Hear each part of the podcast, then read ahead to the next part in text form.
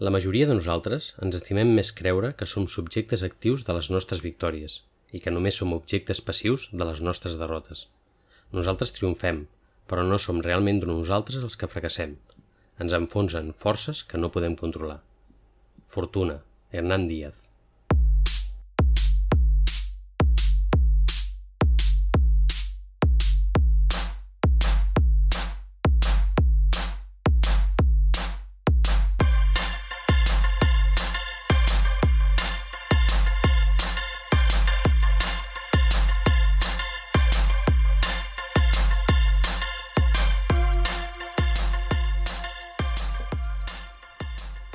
Hola a tothom, benvinguts a un nou episodi de Ràdio EBA, Estival. Um, bé, intentarem que sigui un podcast bastant distès perquè sigui entretingut i que no afegeixi més pesantor a aquest ambient um, tan xafogós i uh, esgarrifós que fa. Uh, hola Sergi, què tal? Com estàs? Doncs passant calor, com bé dius, i per això, doncs, com deies també, intentarem que la cosa sigui distesa i per això avui doncs, eh, m'agradaria que traguéssim un tema que, que bé, no és gaire profund, però que també té certa importància perquè mm, es mou molt, sobretot en ambients així de xarxes, que són els, eh, les, les iniciatives lectores, així per fomentar la lectura entre la gent. Eh, a part d'això, que bé, parlarem també de les nostres, perquè nosaltres tenim, ara recentment hem fet el Juny Nòrdic, que és la, la nostra més gran segurament de les que fem, i farem una mica de balanç també de, de com ha anat doncs també m'agradaria parlar d'uns quants temes. Eh, com ens vam saltar l'episodi del mes passat, eh, vam fer un episodi especial, però no vam fer aquest mm, format més clàssic que, que anem fent cada mes, doncs eh, bé, potser hi ha alguns temes que s'han anat perdent pel camí, però m'agradaria que parléssim també d'una sèrie que hem estat veient, que és The Power, que ve d'un llibre de la Naomi Alderman, que és una distòpia que déu nhi eh, també d'un parell d'actes literaris als quals vaig assistir aquestes últimes setmanes i eh, comentar el nou format que tindrà aquest podcast, que ja vam penjar una primera entrevista amb la Marta Oriols, comentarem una miqueta, i també doncs, algunes novetats de cara ja a, a, al setembre i a veure què, què tal surt. Doncs bé, si comencem amb les iniciatives, suposo que la primera la seria ja la del juny nòrdic, doncs per escombrar cap a casa, bàsicament. I bé, durant el mes de juny ja fa un parell d'anys que proposem doncs, això de llegir llibres fresquets, que estiguin ambientats en el fred, en països nòrdics, amb molt de gel, molta neu i intentant fer baixar les temperatures. I bé, doncs nosaltres hi participem, hi ha hagut també bastanta participació, no sé si tu consideres, Sergi, que ha participat molta gent aquest any o no? Home, penso que sí, més o menys al mateix nivell que l'any passat, no, no diria que més. Sí que penso que hi havia força gent que la tenia al cap, l'iniciativa, que ja es va anar preparant, que es va guardar alguna lectura per, per participar aquest mes.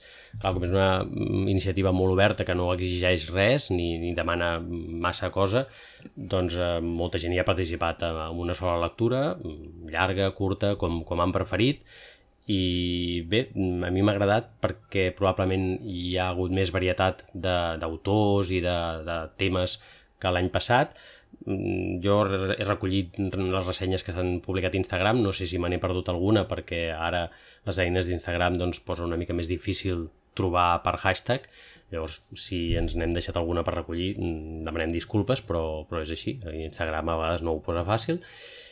I com deies això, al voltant d'unes 90 ressenyes o posts dedicats a la iniciativa que trobo que està molt bé tenint en compte que molts són de literatures que no llegim habitualment o que són més complicades. Ara potser ja no t'han de trobar perquè hi ha diverses editorials que ja publiquen llibres d'autors nòrdics, de vegada en coneixem menys per aquí, però segurament eh, alguna gent no li ve tant de gust llegir coses ambientades en el fred justament eh, a les èpoques de més calor que és una de les gràcies, no? Nosaltres eh, és la, ho fem així de manera irònica, a veure si ens refresquem una mica, no funciona, sempre diem que no funciona, però bé, també és una manera doncs, de d'abarcar tota una sèrie de literatures que potser no llegim tant perquè ens tanquem més quan, sempre que llegim traduccions en el mercat anglosaxó i deixem de banda doncs, eh, idiomes com el suec, l'islandès i tants altres i és una oportunitat de conèixer nous autors i que no són literatures gaire fàcils a vegades, perquè a mi mateix a vegades no, no em resulta senzill entendre'm amb la manera d'explicar les coses d'alguna d'aquestes cultures, però també està bé. Per mi jo penso sincerament que està bé ampliar horitzons i així com llegim llibres de Sud-àfrica i a vegades ens hi sentim més identificats perquè els conflictes que hi ha hagut allà doncs, ens han arribat més potser, doncs per què no llegir problemes que tenen els lapons o vés a saber a algunes regions d'Islàndia o fins i tot a Groenlàndia, no? Per mi és força interessant i hi ha gent que li troba i el, el que més m'ha agradat ja no per número de participació, que mira, crec que s'ha mantingut respecte a l'any passat, eh, és que hi havia força gent que ho tenia al cap i que ens ho anava comentant ja els mesos anteriors i que es guardava aquestes lectures per, per fer-les. I tu que ets el que recull les iniciatives de la gent i les ressenyes i tal, eh, predominància de les literatures aquestes nòrdiques de novel·la negra, o no? La veritat és que, més que novel·la negra, que sí, que déu nhi perquè, clar... Tipo Camila Lackberg, John Esbo, aquestes coses? Sí, sí, sí, sobretot John Esbo. Jo crec que, que hi ha hagut un guanyador aquest any, que ha sigut John Esbo. Molta gent s'ha animat a, a llegir llibres de, de la seva saga clàssica de, de Harry Hole, Harry Hula, em sembla que es diu en, en noruec, però la gràcia és que bueno, la gent que ja és lectora de John Esbo, que n'hi ha autèntics fans i fanàtics d'això, doncs han llegit el llibre que, que els hi tocava, probablement l'últim, però també he vist diversa gent llegint el primer de la saga, que és el Ratpenat, i ha fet gràcia perquè la gent ha començat pel principi, ja coneixen, és un llibre que jo també he llegit fa, fa uns anys i, i bé, ja et presenta un personatge super desquiciat, que no vull saber com acaba aquest personatge perquè només n'he llegit un altre mm, de manera inconexa, però ja a les primeres de canvi, com ja ha demostrat que és una mica trambana, l'envien a Austràlia per començar. Llavors és un llibre d'un autor nòrdic, vàlid per l'iniciativa, però passa gairebé íntegrament a Austràlia. I aquests llibres també els encabeixes dins d'aquesta categoria de difícils de llegir, que deies que de vegades no t'acabes d'entendre la manera com, com, com escriuen els autors nòrdics. També inclouries la novel·la negra, que normalment sol ser una novel·la doncs, que passa millor, no? o que és molt més àgil, que té un ritme molt més elevat. Eh, no del tot, perquè no, no deixa de ser un gènere que és fàcil de llegir i està escrit ja perquè sigui fàcil de llegir, però sí que té unes peculiaritats molt concretes. Potser John Esbo mm, és molt el personatge que té d'en Harry Hula, eh, però d'altres, eh, com la Camila Leckbeck que deies, doncs tenen una manera molt peculiar d'explicar les coses no? i d'investigar els casos i de vestir-los. Per exemple, les morts que hi apareixen, almenys per l'experiència que, que jo tinc, són sempre molt escabroses i a no tothom li agrada. A vegades a la gent li agrada la investigació i que et diguin si hi ha un cadàver però que no et descriuen el cadàver ni el que li han fet al cadàver.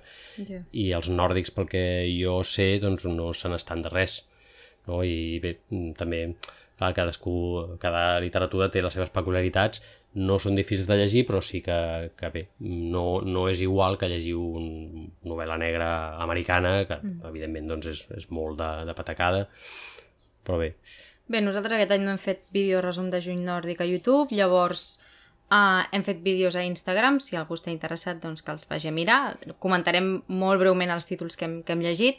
Jo en concret vaig llegir tres llibres per la iniciativa de juny nòrdic, que van ser el Inquiets de la Lynn Ullman, que va publicar aleshores, doncs, que és aquesta filla d'aquest eh, conegut cineasta doncs, que explica com quedava amb el seu pare en els seus últims anys de vida i li explicava doncs, una mica la seva vida i tal, i llavors ella va agafar aquestes gravacions i em va escriure un llibre. Això és la idea que jo en tenia, en realitat no va només d'això, perquè en realitat Lynn Ullman el que fa és explicar també la vida de la seva mare, no només la del seu pare, i la veritat és que el llibre no està malament, sobretot per uh, la, el que més em va agradar és, és que veus molt l'evolució de com el pare uh, perd facultats i perd capacitats, i aquesta part em va agradar. He de dir que uh, jo crec que aquest home té bastants fans, jo no sabia ni qui era, i des del meu punt de vista la seva història no em va atraure gaire, però vaig tenir alguns comentaris a la ressenya doncs, que eren molt fans no, d'aquest cineasta, per tant, Um, si algú és fan, segur que pot ser un llibre que, que els interessi.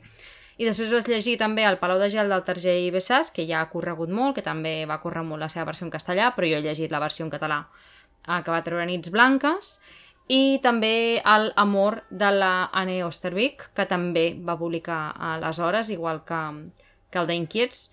Llibres no gaire llargs, però sí, tots, molt, tots bastant matxacons a nivell d'escriptura. De, Els tres compleixen una mica aquesta... Són dos noruecs i un suec i els tres compleixen una mica aquesta potser, no sé si tòpic o el que tu deies abans, no? De que es mastega, crec, no? que va fent i va explicant i, i es basa molt en, aquesta, en la importància del llenguatge i de les descripcions i metàfores i imatges i, i lirisme, no? Crec que els tres, tot i que el, de Linneman sigui una, una biografia i no és tan important, en els altres dos sí que és, sí que és eh, molt més important. I si m'hagués de quedar amb un dels tres em quedaria amb Amor, la veritat. Crec que és el que més em va agradar. Sí, aquest és una de les meves lectures del juny nòrdic de l'any passat. A mi em va costar una mica, però em va costar una mica perquè dels dos personatges protagonistes, diguem, la, són una mare i un fill, la mare em va costar una mica de pair. Tu em sembla que et va passar una mica millor, no? La vas entendre més, potser? Sí, és una persona especial, però que jo crec que, que també deu tenir els seus motius, no?, per ser potser com és.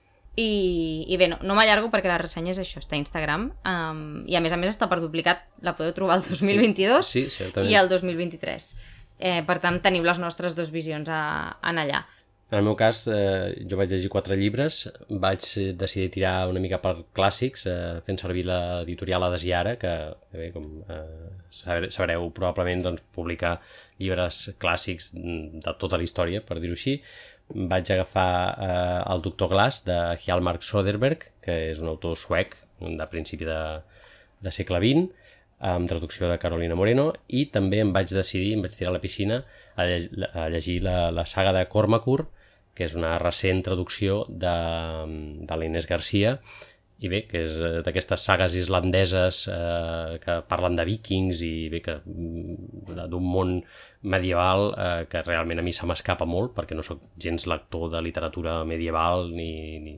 ni gairebé de, de pocs segles enrere però tot el que passa a Islàndia a mi m'atreu moltíssim i, i bé, em, vaig, em vaig tirar a llegir-lo i realment és molt, molt curiós. Vull dir, no, no, segurament no seria el meu gènere preferit però té una estructura molt peculiar que segurament ha sigut molt difícil de traduir, però bé, l'Inés Garcia, que és una estudiosa d'aquestes sagues i és molt coneixedora de, d'Islàndia i en aquest cas el llibre eh, està traduït directament del norrè que no és ni, ni islandès modern sinó que és un idioma antic que va de, del qual diguéssim se'n deriven moltes de les llengües nòrdiques actuals. Però que bé que segurament doncs mereix eh, un important reconeixement per aquesta traducció, perquè no, segur que no és fàcil, només per, per la pròpia estructura de les frases que, que, que es veuen en el llibre i també per la peculiar manera d'explicar-se del protagonista amb, amb uns versets que ell va fent com a resposta a, a les interaccions que té amb altres personatges doncs, doncs realment és un llibre molt curiós de llegir. Sembla ser que publicaran altres sagues a des i ara amb, amb l'Inés Garcia i, i escolta, una a l'any jo crec que, que em puc decidir a llegir és una bona aposta pel, pel juny nòrdic. I com deia que jo d'Islàndia m'ho passo tot si, si pot ser, fins i tot vaig llegir un llibre que es diu La veritat sobre la llum d'Audur Ava uh, Olafsdottir amb traducció en aquest cas de Macià Riutort i que va ser publicat per Club Editor. I dic que m'ho passo tot perquè és un llibre que inicialment sembla que parli de, de les llevadores de, de, ja no tant de maternitat sinó de l'ofici de les llevadores que és molt tradicional, que passa de generació en generació a Islàndia, o això ens explica el llibre, però bé, és un llibre que va molt més enllà, que és una mica difícil de definir perquè ens presenta un personatge que estava molt avançat al seu temps i tenia unes idees eh, molt avançades i molt concretes sobre la humanitat i el que li estem fent al planeta, llavors és una barreja una mica complicada però que realment a mi em va agradar força i que és recomanable. I com deia, jo n'havia llegit força ressenyes perquè és un dels llibres que més va llegir la gent l'any passat, a la iniciativa que està al Juny Nòrdic de l'any passat i no m'havia aconseguit fer una idea de, de realment de què anava el llibre. I potser d'aquí un temps tampoc no, no sabria explicar-ne gaire però bé, jo també em vaig fer la, les meves ressenyes a Instagram i al blog i si teniu interès doncs crec que és un llibre que val la pena donar-li una oportunitat. I a més doncs, passant a Islàndia doncs ja per mi motiu de més. I vaig acabar llegint una mica de novel·la negra històrica amb el primer volum d'una trilogia que es diu 1793, eh, El llop i el vigilant, és el subtítol del llibre, és una mm, trilogia de Niklas Nat Ogdag, saber si ho he pronunciat bé, és un autor suec, eh, amb traducció de, de Jordi Buixadors i que ha estat publicat eh, per proa, però que també podeu trobar en edició de butxaca ja els tres volums de, de la trilogia. Um, és un llibre molt peculiar, és un llibre molt dur, molt explícit, que no s'està de res, també, com comentava abans, no és ben bé novel·la negra només com estem acostumats amb els autors nòrdics, perquè té un factor històric molt important, però sí que hi ha un, tot una vessant d'investigació que dos investigadors que surten gairebé eh, els podries interpretar com actuals, però clar, estan subjectes a, a aquest final de, del segle XVIII i realment és un llibre que s'ha de tenir una mica d'estómac per llegir perquè no s'està de res a descrivint imatges i és molt cruel amb alguns temes, però que realment enganxa i que, hosti, és una de les lectures d'aquestes que, que és trepidant i va passant trepidant estones perquè també eh, té quatre parts i cada part doncs, la, comença explicant la història d'uns personatges que sembla inconex però que al final tot acabarà lligant i passa, passa molt bé. I jo probablement eh, continuo llegint els altres dos també mira, potser pot ser un propòsit d'any a any anar De llegint Nòrdic, no? que, sí, una de les meves lectures de Junt Nòrdic potser serà aquest a mi m'ha agradat força Molt bé, llavors així en resum hem dit que, doncs, que la iniciativa creiem que ha funcionat bé, tot i les mancances que té últimament Instagram. I en relació amb això, com veiem un, una mica el tema de les iniciatives lectores, no? Ho podem veure des del propi punt de vista com a persones que en muntem una, però com veiem també la resta, perquè al final no és només una, una iniciativa lectora la que hi ha, no hi ha només Juny Nòrdic, sinó que n'hi ha moltes, no? A veure, aquí hi ha la doble vessant. Com dius, eh, muntar una iniciativa sempre et fa il·lusió que la gent participi, però en aquest cas, que és una iniciativa de més temàtic, que nosaltres proposem al juny, quan veus que cada mes de l'any hi ha una iniciativa que et proposa llegir un tipus de literatura concret, doncs potser sembla massa, no? Tu, Laia, crec que has estat especialment crítica alguna vegada en que és massa, és massa pressió, Bé, jo llegeixo 3-4 llibres al mes, al, al mes que en llegeixo molts, llavors no pot ser que em condicioni tant el fet de participar a les iniciatives, o sigui, si llegís jo, no sé, va sortir la senyora aquella que llegia no sé quants, que eren 400 llibres l'any, aquella senyora de la biblioteca, no me'n recordo quina biblioteca era. Tortosa, potser... No me'n recordo. Ah, aquella senyora anava al llibre al dia, no? Tu llegeixes 30 llibres al mes, doncs participa a totes les iniciatives que vulguis, no? No necessito que ningú m'organitzi les lectures. Tinc molts llibres pendents per llegir que vull llegir, però el fet d'haver-me forçat a participar a tantes iniciatives, doncs no sé. També eh, nosaltres no hem sigut pioners en res. Vull dir, al final no és que nosaltres muntéssim una iniciativa i n'hagin sortit d'altres després. El Black History July ja existia, el Mars Asiàtic ja existia, i les que durien existir, per exemple, al món anglosaxó, jo que sé, al final només coneixem les del nostre petit entorn, no? Però en el nostre petit entorn han sortit moltes que al final també crec que les iniciatives han de perseguir alguna cosa perquè, no ho sé, el tema del Mars asiàtic, per exemple, ostres, és que jo no et sé citar cinc autors asiàtics, crec. Vull dir, em quedaria a Murakami i, i he llegit altres autors japonesos i tal, i, i algun altre potser d'algun... no sé, ara no- és que crec que no te'n sabria dir ni 5, no? Doncs dius, ostres, tinc un problema, d'anglosaxons te'n podria citar 35, o d'americans, no? Te'n podria citar moltíssims. Uh, el Black History July crec que respon al fet de que mai ens havíem plantejat uh, quina cara fan els, els, els autors que llegim, no? El fet que siguin anglosaxons uh, no es, crec que no es mereix que tothom el fiquin en el mateix sac, doncs perquè històricament a més hi ha hagut uns han tingut molt més privilegis que els altres i això em fa pensar en, el, en allò que fa la Sílvia també del bingolite a Instagram, no? de que et fica un bingo i has d'endevinar quina cara fa cadascú i ostres, no m'havia plantejat mai uh, quina cara feien alguns dels autors que llegeixo, no? Els, els actors de la tele els veus, els autors que llegeixes no els veus uh, i encara que hi hagi la foto a la coberta, a la solapa de dintre, doncs mm, moltes vegades ni se't queda la imatge, no? Doncs persegueix un objectiu que el veig com clar, no?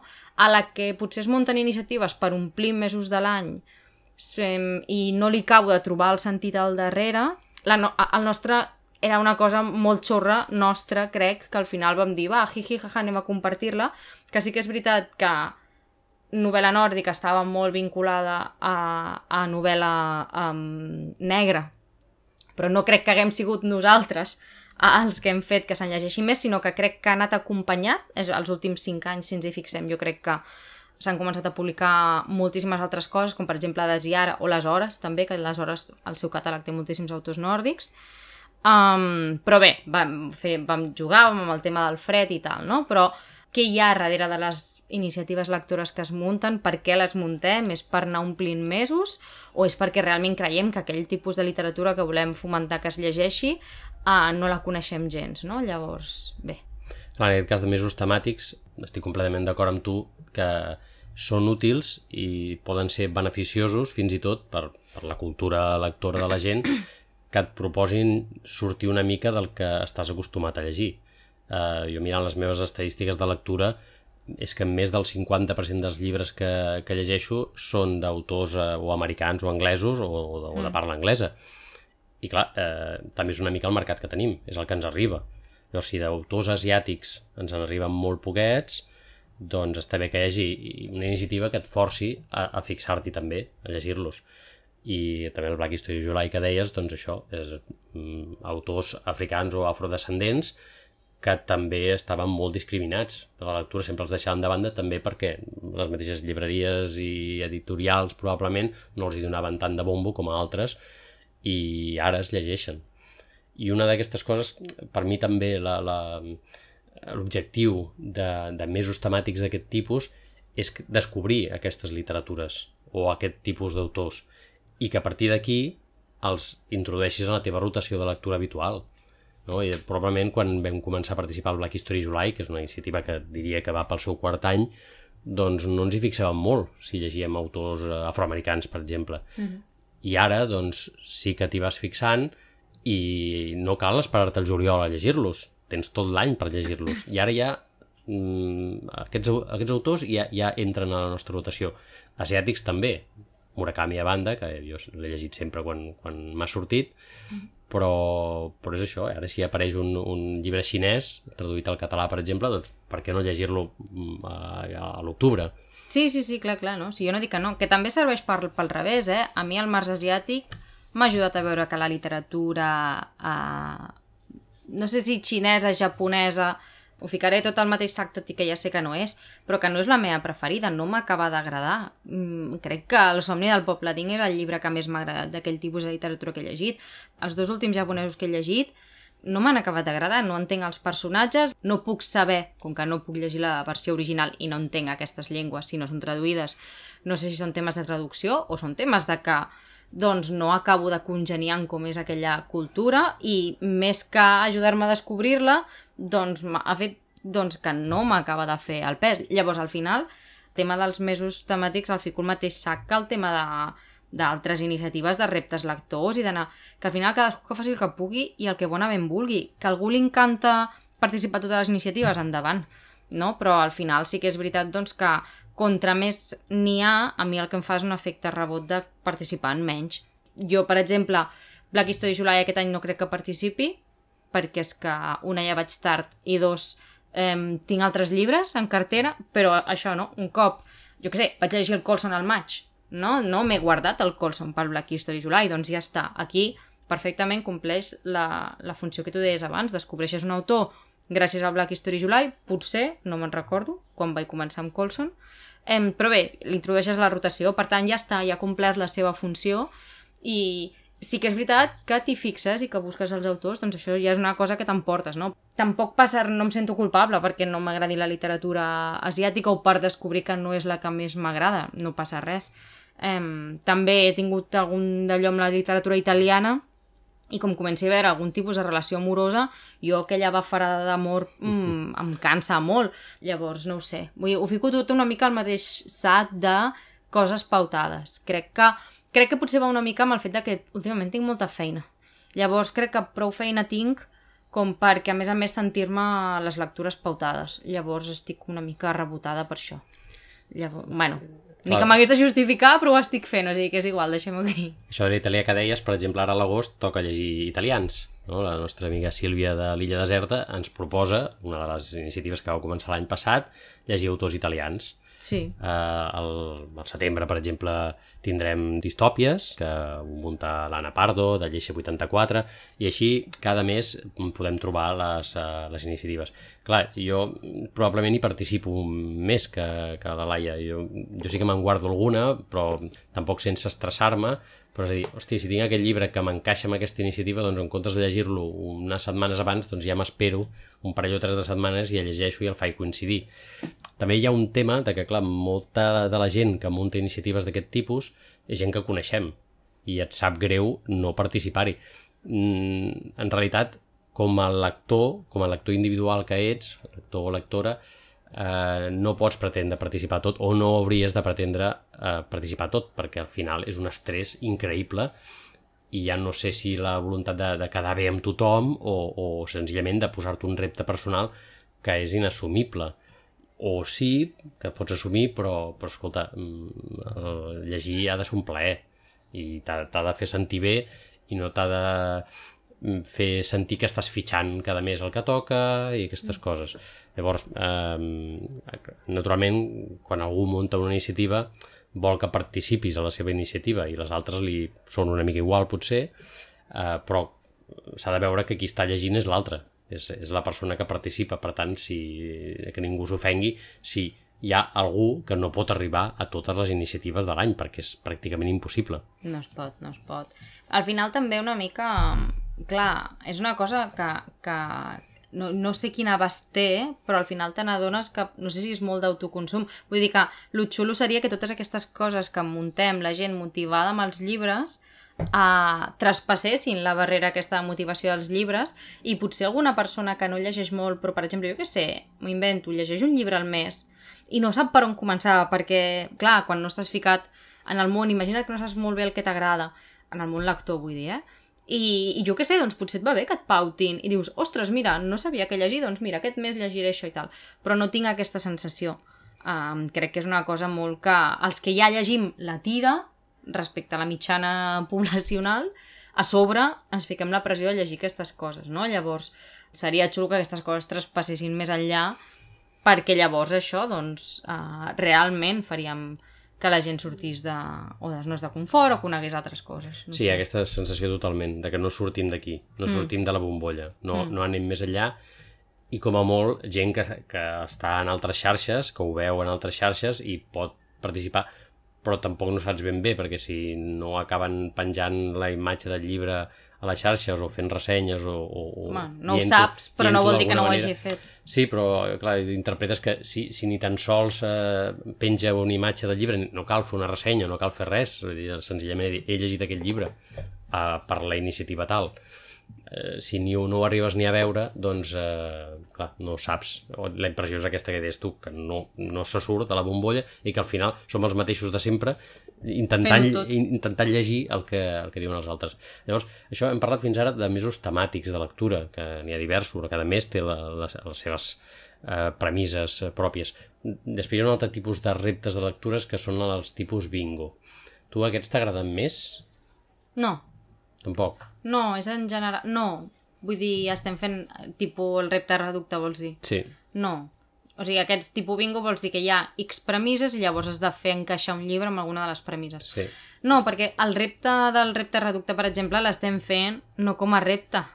O sigui, nosaltres ja llegim aquells tipus de llibres de normal i el que fem llavors és mirar on ens encabeix. Realment no t'està fent cap mena de... no t'està sotmetent a cap mena de repte perquè tu ja compleixes aquelles premisses de normal. Ah, i les que no complim sí que potser ens haurem de forçar una mica. Sí, però que serà, serà una o dues, serà, serà molt poques, potser el del Premi Nobel, i aquell dius, mira, doncs un llibre en lloc de comprar-me'l me'l vaig a buscar a la biblioteca mm, doncs perfecte, has, has sigut usuari de la biblioteca, aquí mira, aquí tenim un parell de llibres també que, que vaig agafar de la biblioteca l'altre dia, vull dir que Clar. no va ser en aquell moment concret per complir el repte, però en un altre moment, sense haver de pensar en que feies un repte, ja complies, no? Um, no sé, no, no sóc massa... És que crec que no, que, que prou... Bé, també perquè és que nosaltres, jolín, tenim moltíssims llibres per llegir i és que prou feina tinc jo també acabar-me els llibres que, que ens arriben, els llibres que jo vull llegir, que no estic llegint, i no, no sóc massa d'aquestes coses, la, la veritat, no sé. Si de sobte fos allò, eh, de buah, un confinament, una cosa d'aquestes, de no puc sortir, no puc comprar llibres, no m'arriben llibres, tal, doncs potser sí que m'animaria a fer alguna cosa uh, dinàmica, però no. I, de fet, uh, a tu t'he vist participar en algun d'aquests reptes i llegint coses que crec que no et venia de gust llegir només per complir premisses d'un repte, que llavors tens aquella barrera entre ui sí, vaig a sortir de la zona de confort o mm, quin rotllo això que estic llegint, que a mi això no em ve de gust fer-ho. Clar, tot s'ha de dir que en les meves bones èpoques, si jo llegeixo 8, 9 llibres al mes, no sol passar, ara potser estem en 7 o no sé quants, però si aconsegueixo llegir 9 llibres al mes, colar-ne algun que potser no em vingui del tot de gust o per poder participar en un repte no sona tan greu com de dir, hosti, que llegeixo dos llibres al mes i un ha de ser per un repte. Saps? Perquè també hi ha molta gent participant en clubs de lectura i que un percentatge molt alt dels llibres que llegeix eh, són pel club de lectura i potser no sempre li venen del tot de gust, però bueno, aquest és un altre tema a part. Uh, un dels reptes que jo participo, que sí que m'ha forçat alguna vegada a llegir llibres una mica, una mica només, perquè ja sóc lector de ciència-ficció i fantasia, però que bueno, m'ha forçat a sortir una miqueta, és el bingosificat de bueno, Twitter Doctor Perturbat, Rucs Elèctrics, que com munta ja anem per la tercera edició, almenys tercera edició que jo participo. Uh, L'any passat, per exemple, em, em semblava que era bastant senzillet i el vaig acabar amb molta facilitat, per dir-ho així.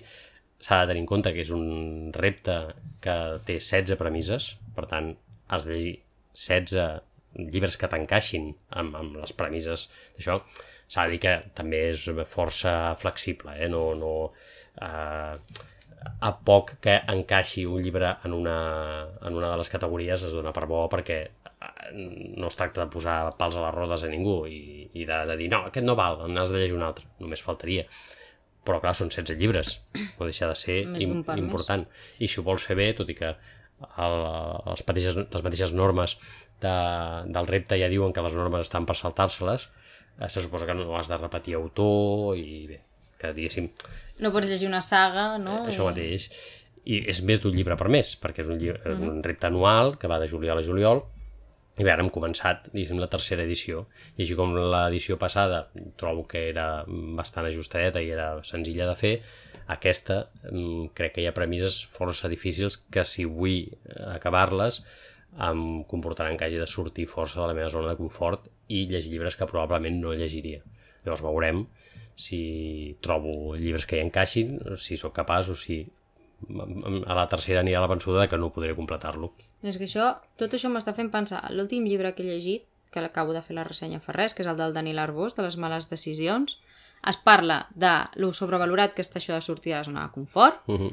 i, fa pen... i últimament hi penso molt. Llavors, si has d'estar sortir de la zona de confort constantment, és molt cansat. I, I és perquè ho fas. Llegir és un plaer, o hauria de ser un plaer, i per tant, no sé. Ja faig moltes coses fora de la meva zona de confort a diari. I fora de les ganes que, que tens de fer-les. Com perquè sobre la lectura també constantment hagi de ser una cosa en la qual jo m'he d'enfrontar i m'he de reptar, doncs no sé. O sigui, a mi, per exemple, que em demanin un llibre al mes per, una, per un repte és massa. Per mi és massa pel volum de llibres que llegeixo, llavors, clar. Crec que no hi ha reptes de 4 llibres. Al final, la majoria són de 10-12. Bé, com a, com a conclusió final, diguem, la paradoxa, que és que al final aquests reptes de lectura i acabem participant la gent que llegim molt i al final ens acaba estressant perquè ens obliga a llegir coses que potser no tenim ganes del tot de llegir o a sortir de zones de confort, aquestes fictícies que, que ens autoimposem i aquestes coses eh, i l'objectiu que persegueixen aquests reptes que és que la gent llegeixi no sabem si la gent que no llegeix tan habitualment o de manera tan dedicada hi acaba participant així que si esteu escoltant això i voleu que us guin, si necessiteu propostes de lectura que us animin, reptar-vos eh, personalment i, i així potser eh, us animareu a llegir, busqueu a les xarxes que en trobareu la tira. Si us voleu preguntar a les nostres xarxes us podeu fer un calendari de tot l'any, de tots els bingos eh, així amb premisses diferents, que hi ha biblioteques que també en fan i que tenen força èxit, doncs si ens voleu preguntar us podem guiar de qui munta què cada, cada mes i els bingos que hi han. Uh, si no us agrada que us dirigeixin, doncs ja està. I sobretot, sobretot, que no és obligatori participar en tot. Que no pot ser, que no és ni, no és ni possible ni sa. Llavors mm, ho deixem així perquè tal, que cadascú participi en el que vulgui. Jo seguiré participant en els que em vingui de gust. La Laia em sembla que ja es retira. No ho sé. La vida ho dirà. Jo et cobreixo, no pateixis. No cal que em cobreixis. no, no. No, clar, no ha de quedar emmascarat. Ha de quedar com que no hi participo. I ja està, perquè no em ve de gust Vols o perquè no... I tant, no passa res.